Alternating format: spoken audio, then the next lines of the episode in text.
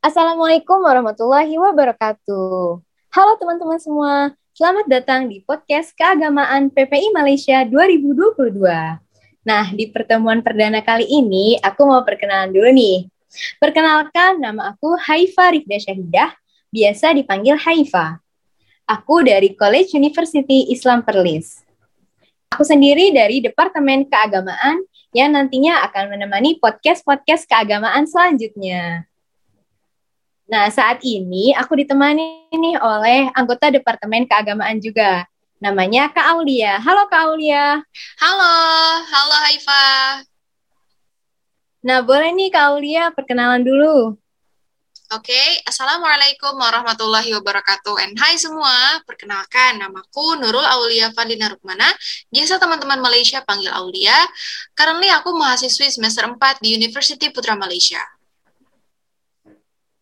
Nah, di podcast kali ini nih kita bakal berdiskusi hal-hal yang bikin overthinking. Nah, Kak Aulia tahu nggak sih hal-hal yang bikin overthinking tuh contohnya apa? Oh, apa nih contohnya nih? Uh, masa depan, ya kan pekerjaan jodoh apalagi kita nggak bakalan ngomongin jodoh sih nah kali ini kita bakalan berdiskusi nih tentang masa depan bagaimana sih kita mendapatkan ketenangan hati kalau kita gelisah akan masa depan gitu. Oke. Mm Oke, okay. okay, jadi nih di pertanyaan pertama nih aku mau nanya untuk Kak Aulia. Kaulia pernah nggak sih merasakan anxiety atau gelisah nih akan masa depan? Oh. Atau gelisah secara umum aja? Mm-mm. Secara umum ya, cerita tentang pengalaman gelisah, apakah aku pernah merasa gelisah atau enggak? Pernah nggak sih aku merasa gak tenang? Jawabannya adalah pernah. Karena menurut aku itu adalah suatu tanda bahwa kita tuh mature. Mulai proses jadi dewasa yang udah mikirin ini itu untuk memenuhi segala kebutuhan dan pencapaian hidup kita. Gitu kan? Kita rancang sendiri Betul. semuanya. Gak mungkin dong apa-apa kita masih minta terus ke orang tua gitu apa-apa masih leha-leha, padahal list hidup ini udah banyak nih. Apa-apa minta pertolongan ke temen atau ke orang lain, padahal mereka juga punya kesibukan sendiri, punya urusan masing-masing. Ya jadi apa-apa sebisa mungkin aku atur sendiri. Aku bisa dan harusnya nih aku udah mulai nih untuk menolong, mengabdi, menaburi hal-hal baik ketika uh, kita semua mulai dewasa saat ini. Gitu. Jadi sejauh ini uh, kalau dicerit uh, kalau misalnya tentang pengalaman aku sejauh ini tuh aku seperti sedang berlayar. Berlayar di kapal gitu mencoba mencari pengalaman jati diri yang entah kapal ini tujuannya tuh ke mana nggak tahu. Ntar kapal ini tuh uh, gue nih jalan bakal di jalannya bakal bocor apa enggak atau salah tujuan atau ngambang diem aja gitu. Gue nggak tahu nih ke mana nih arahnya gitu kan ya kan? Anak muda yang usianya masih baru mau menginjak kepala dua gue mulai berpikir ke sana ke sana kemari gitu. Kayak kalau ditanya pengalaman tuh ini adalah uh, perdana pertama kalinya uh, gue cerita. Kayak gue nggak pernah sharing ke siapa pun tentang sebenarnya. Oke, okay, kalau ditanya pengalaman gue nih, ini adalah perdana, gue nggak pernah sharing ke siapa pun, tapi sebenarnya hal ini cukup mengubah hidup gue menjadi lebih baik. Awal mulanya adalah dua tahun lalu, kayak uh, gue tuh benar-benar merasa diuji, yang menurutku tuh lumayan berat tapi ujian orang kan berbeda-beda ya dan kesanggupan orang berbeda-beda yang menurut aku ini adalah ujian yang berat untuk aku. Kayak keimanan aku tuh kayak Allah tuh mau ngetes gitu. Seberapa jauh sih percaya sama takdir Allah? Singkat cerita ya Allah kasih ujian aku nggak lolos di salah satu univ negeri yang aku pengen. Yang udah aku cita-citakan gitu. Dan aku malah lolos di universitas negeri lain which is aku kurang berminat dan akhirnya aku tolak. Dan setelahnya aku tetap berdoa. Tetap berdoa tapi sebenarnya iman aku tuh kayak koyak. Sebenarnya kayak speechless nggak tahu lagi deh. Gitu. Dan sedikit sombong juga gue tuh bilang kayak kok nggak lolos ya? Kok gue doa nggak dikabulin ya? Gitu. Tapi alhamdulillahnya di situ ada orang tua gue yang selalu support dan ngingetin. Pasti itu tuh yang terbaik gitu orang tua yang selalu ngingetin, oke, okay, akhirnya gue doa gak tahu lagi tapi gue tetap doa yang ternyata Allah kabulin sekarang. Dan setelah gue sadar ternyata doa yang selama ini gue minta sama persis dengan kehidupan gue saat ini. Doa gue adalah kayak ya Allah kalau aku nggak lulus di univ yang aku pengen tolong kasih univ yang lebih baik dari segi dari segi apa pun. Dan ya now here I am in University Putra Malaysia gitu which is itu di luar list kehidupan gue di luar kuasa gue yang gue tahu ya univ negeri di Indo yang bagus apa sih gitu kita semua pasti udah tahu tapi ternyata Allah kasih yang lebih baik, yang out of my box. Allah udah merencanakan yang terbaik. Dan di situlah Allah ternyata ngasih aku pelajaran hidup. Kalau doa itu hal yang paling penting. Kalau Allah itu ada, dan keimanan itu harus dijaga. Jadi, gue kalau mau apa-apa tuh doa. Gak tenang hatinya, gue doa, zikir, ingat Allah. Masa depan khawatir ke mana arah jalannya jawabannya adalah doa. Doa aja. Jodoh rezeki itu kan masa depan juga ya. Ya itu tetap berdoa. Itu sih pengalaman gue dan uh, pelajaran yang dapat gue ambil. Masya Allah kalau aku dengar dari cerita kakak nih berarti cara kakak untuk mengatasi kegelisahan itu dengan berdoa Nah, ada nggak sih cara lain untuk kakak mengatasi kegelisahan yang muncul nih di kehidupan kakak? Hmm, Oke, okay. sejauh gue berlayar ini, pelajaran yang gue dapat adalah bahwa kita nggak pernah milih dari sejak kita embrio sampai mati pun udah ditentuin. Ada nih dalam Al-Quran surat Al-Insan ayat 2. Boleh Haifa baca? Uh, Bismillahirrahmanirrahim. Inna khalaqnal insana min nutfatin amsyajin nabtali faja'annahu sami'an basira. Yang artinya, sungguh kami telah menciptakan manusia dari setetes mani yang bercampur yang kami hendak mengujinya dengan perintah dan larangan. Karena itu kami jadikan dia mendengar dan melihat. Nah, terima kasih Haifa. Jadi di artinya ini, sesungguhnya kami telah menciptakan manusia. Kita itu diciptakan loh Guys, ingat lagi kalau kita itu diciptakan oleh sang pencipta. Kita nggak nyiptain diri kita sendiri. Which is kita nggak pernah milih. Gitu. Lalu ayat ini juga menjelaskan, kalau ini kalau tafsirnya nih, ini panjang banget sebenarnya. Tapi singkatnya Allah kasih kita pendengaran juga di ayat ini. Pendengaran untuk mendengar. Tapi Allah kasih ujian dengan alat pendengar ini, apakah kita sami'na wa ato'na, kita dengar, kita taat, maka jatuhnya kita akan ikut perintah Allah. Gitu, positif. Melihat pun sama, ada godul basor, menjaga pandangan ketika Allah kasih penglihatan gitu. Setiap Allah kasih, pasti ada ujiannya. Sebagaimana surat Al-Insyirah, setiap ada kesulitan, pasti ada kemudahan. Setiap ada cobaan, pasti ada jalan. Kayak gini nih contohnya. Kayak kita lagi ngeluh nih aduh gue nggak tahu nih gue.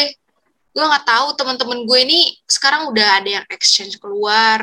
Teman gue udah ada yang jadi ketua bem di univ teman gue gajinya tuh ada yang udah dua digit. Teman gue hafalannya udah tiga kali ngulang. Teman gue udah talaki nih sama Syekh dapat sanat teman gue GPA-nya sempurna nih empat teman gue udah wisuda duluan gitu. terus lo lihat diri lo sendiri terus khawatir nih lo punya barrier, lo punya kesulitan. Ingat aja di surat Al-Insyirah setiap ada kesulitan pasti ada kemudahan gitu. Ingat aja doa jangan lupa. Karena ingat lagi ketika hidup lo mengalami kesulitan itu pasti bakal sepaket sama kemudahan, ya kan? Asal asal lagi nih dalam Al-Qur'an Allah itu tidak mengubah suatu kaum melainkan kaum itu mengubahnya sendiri. Gue kan bilang nih tadi, kita nggak pernah milih soal kehidupan. Kita nggak pernah milih bakal jadi perempuan atau laki-laki. Kita nggak pernah milih untuk tinggal di daerah mana, lahir bulan apa, punya nama apa, punya orang tua siapa, menjadi anak keberapa, gedenya jadi apa, sampai akhir sampai akhirnya mati pada usia berapa tuh kita nggak milih. Itulah yang membuat hati gue tenang sampai saat ini sebenarnya Haifa. Semua itu udah ditentuin di Lauhil Mahfuz Sebagaimana Rasulullah Shallallahu Alaihi Wasallam bersabda, Allah telah menetapkan takdir untuk setiap makhluk sejak 50 ribu tahun sebelum penciptaan langit dan bumi. Hadis ini hadis sahih, hadis riwayat Muslim. Tapi bukan berarti karena Allah udah nulis nih takdir kita, kita leha-leha kayak ya udahlah, udah ditentuin kehidupan mah, No, big no no. Faiza azamta fatawakal ala Allah. Apabila kamu telah membulatkan tekad, kamu bertawakal, maka bertawakallah kamu kepada Allah. Kita harus ngelis juga. Kita harus tetap ikhtiar juga. Kita harus usaha juga. Karena Allah sesuai sama prasangka hambanya. Allah lihat usaha kita nih, kita tahu kan, kita tahu nih, kita tahu bahwa takdir itu ada mubrom, ada mu'alak. Ada yang sudah ditetapkan, ada yang bisa diubah. Ya asalkan kita berusaha lah. Jadinya gimana gak usah khawatir karena itu bukan urusan kita, bukan kendali kita sebagai manusia. Tuh. Itu yang pertama. Jadi yang pertama adalah menyadari bahwa semua yang ada di dunia ini tidak perlu dicemaskan. Yang kedua yaitu kekayaan kekayaan tidak selalu menjadi solusi untuk mendapatkan ketenangan hati. Kekayaan, jabatan juga sama ya.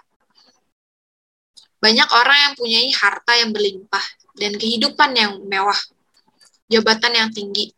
Namun hari-harinya dihantui kecemasan. Terus jadinya malah mengonsumsi obat terlarang demi mendapatkan ketenangan hati, ya kan? Artis-artis nih, kayak banyak, tapi banyak juga yang bunuh diri ngobam lah. Padahal di Al-Quran ada nih obatnya, bahwa yang membuat hati tenang adalah dengan berzikir mengingat Allah. Alladzina amanu wa tatma'innu qulubuhum bi dzikrillah ala bi dzikrillah tatma'innu qulub. Yang menenangkan hati adalah dengan mengingat Allah. Berzikir hasbunallah. La ilaha illa anta subhanaka inni kuntu minaz zalimin. Banyak lagi. Ketiga yaitu punya circle frekuensi yang soleh solehah Kayak gini nih sama Haifa nih. Ya kan? Gue keikut baik, bikin podcast, Insya Allah ya. Terima kasih nih.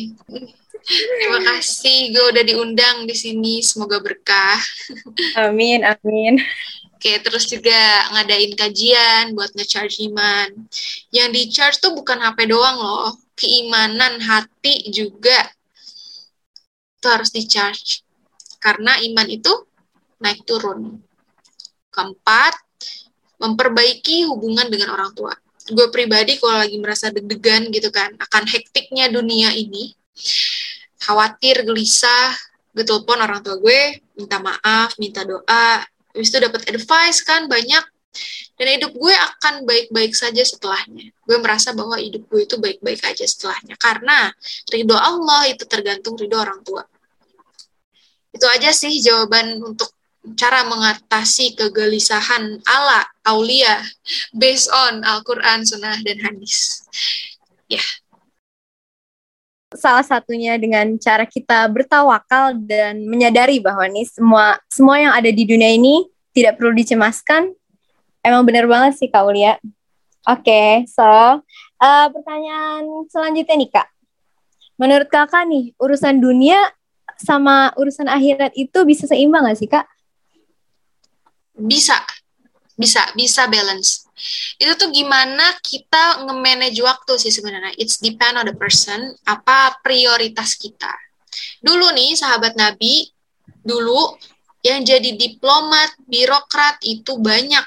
Abu Bakar Umar Usman itu orang penting tapi masih meluangkan buat tahajud. Bahkan banyak sahabat yang menghatamkan Al-Quran, padahal hari-harinya sibuk ngurusin umat gitu loh kita apa sih paling scroll IG doang. Hidup kita kayak scroll IG doang gitu. Terus apa TikTok ya kan? YouTube masa nggak bisa gitu? Masa nggak bisa yang ngaji halaman? Ya kan? Duha lah seenggaknya lima menit pagi-pagi dua rakaat bukan malam bukan bangun sepertiga malam loh duha gitu. Yang waktunya sampai jam 11 pagi eh siang. Bisa lah. Ini ini reminder juga ya buat gue gitu. Walaupun gue ngisi podcast nih juga reminder buat gue. Yuk mari yuk. Lebih baik lagi. Buat ibadah. Ngebalance lagi gitu. Oke. Pertanyaan terakhir nih Kak, tips membagi waktu antara urusan dunia dengan ibadah-ibadah amalia. Contohnya misalnya nih Kakak uh, sibuk dengan kegiatan organisasi, tapi Kakak tuh tetap menjalankan ibadah-ibadah amaliyah yang sehari-hari kakak lakukan. Contohnya misalnya uh, kayak tilawah, al surat dan segala macam. Gimana sih kak tipsnya? Tipsnya biar balance yaitu doa sama Allah. Doa sama Allah semoga kita istiqomah. Minta doa juga ke orang tua uh, biar uh, Allah ridho sama kita sama apa yang kita lakuin itu. Biar bisa balance dan cari lingkungan yang beriman. Kayak nanti kita tuh kebawa kan ada pepatah ya, kalau kita berteman dengan penjual minyak wangi, terkeikut wangi, gitu. Jadi carilah teman yang baik. Terus juga berdoa semoga istiqomah dan lillah. Dan juga baca-baca cerita orang-orang soleh, gimana mereka nge-manage waktu, gitu. Masya Allah banget ya tips dari Kak Aulia ini. Semoga kita semua dapat ibroh dan dapat insight dari Kak Aulia ini. Kakak ada nggak nih eh, kata-kata uh, terakhir untuk pendengar-pendengar podcast ini? Kata-kata terakhir ya, apa ya? Ya, semoga Allah selalu ridho dengan apa yang kita lakukan. Semoga uh, urusan dunia kita ini menjadi ladang bekal untuk akhirat kita kelak. Jadi bisa balance. Dunia kita lakuin, pahalanya buat akhirat gitu. Oke, terima kasih banyak Kak Aulia telah menyempatkan waktunya untuk datang ke podcast keagamaan perdana ini.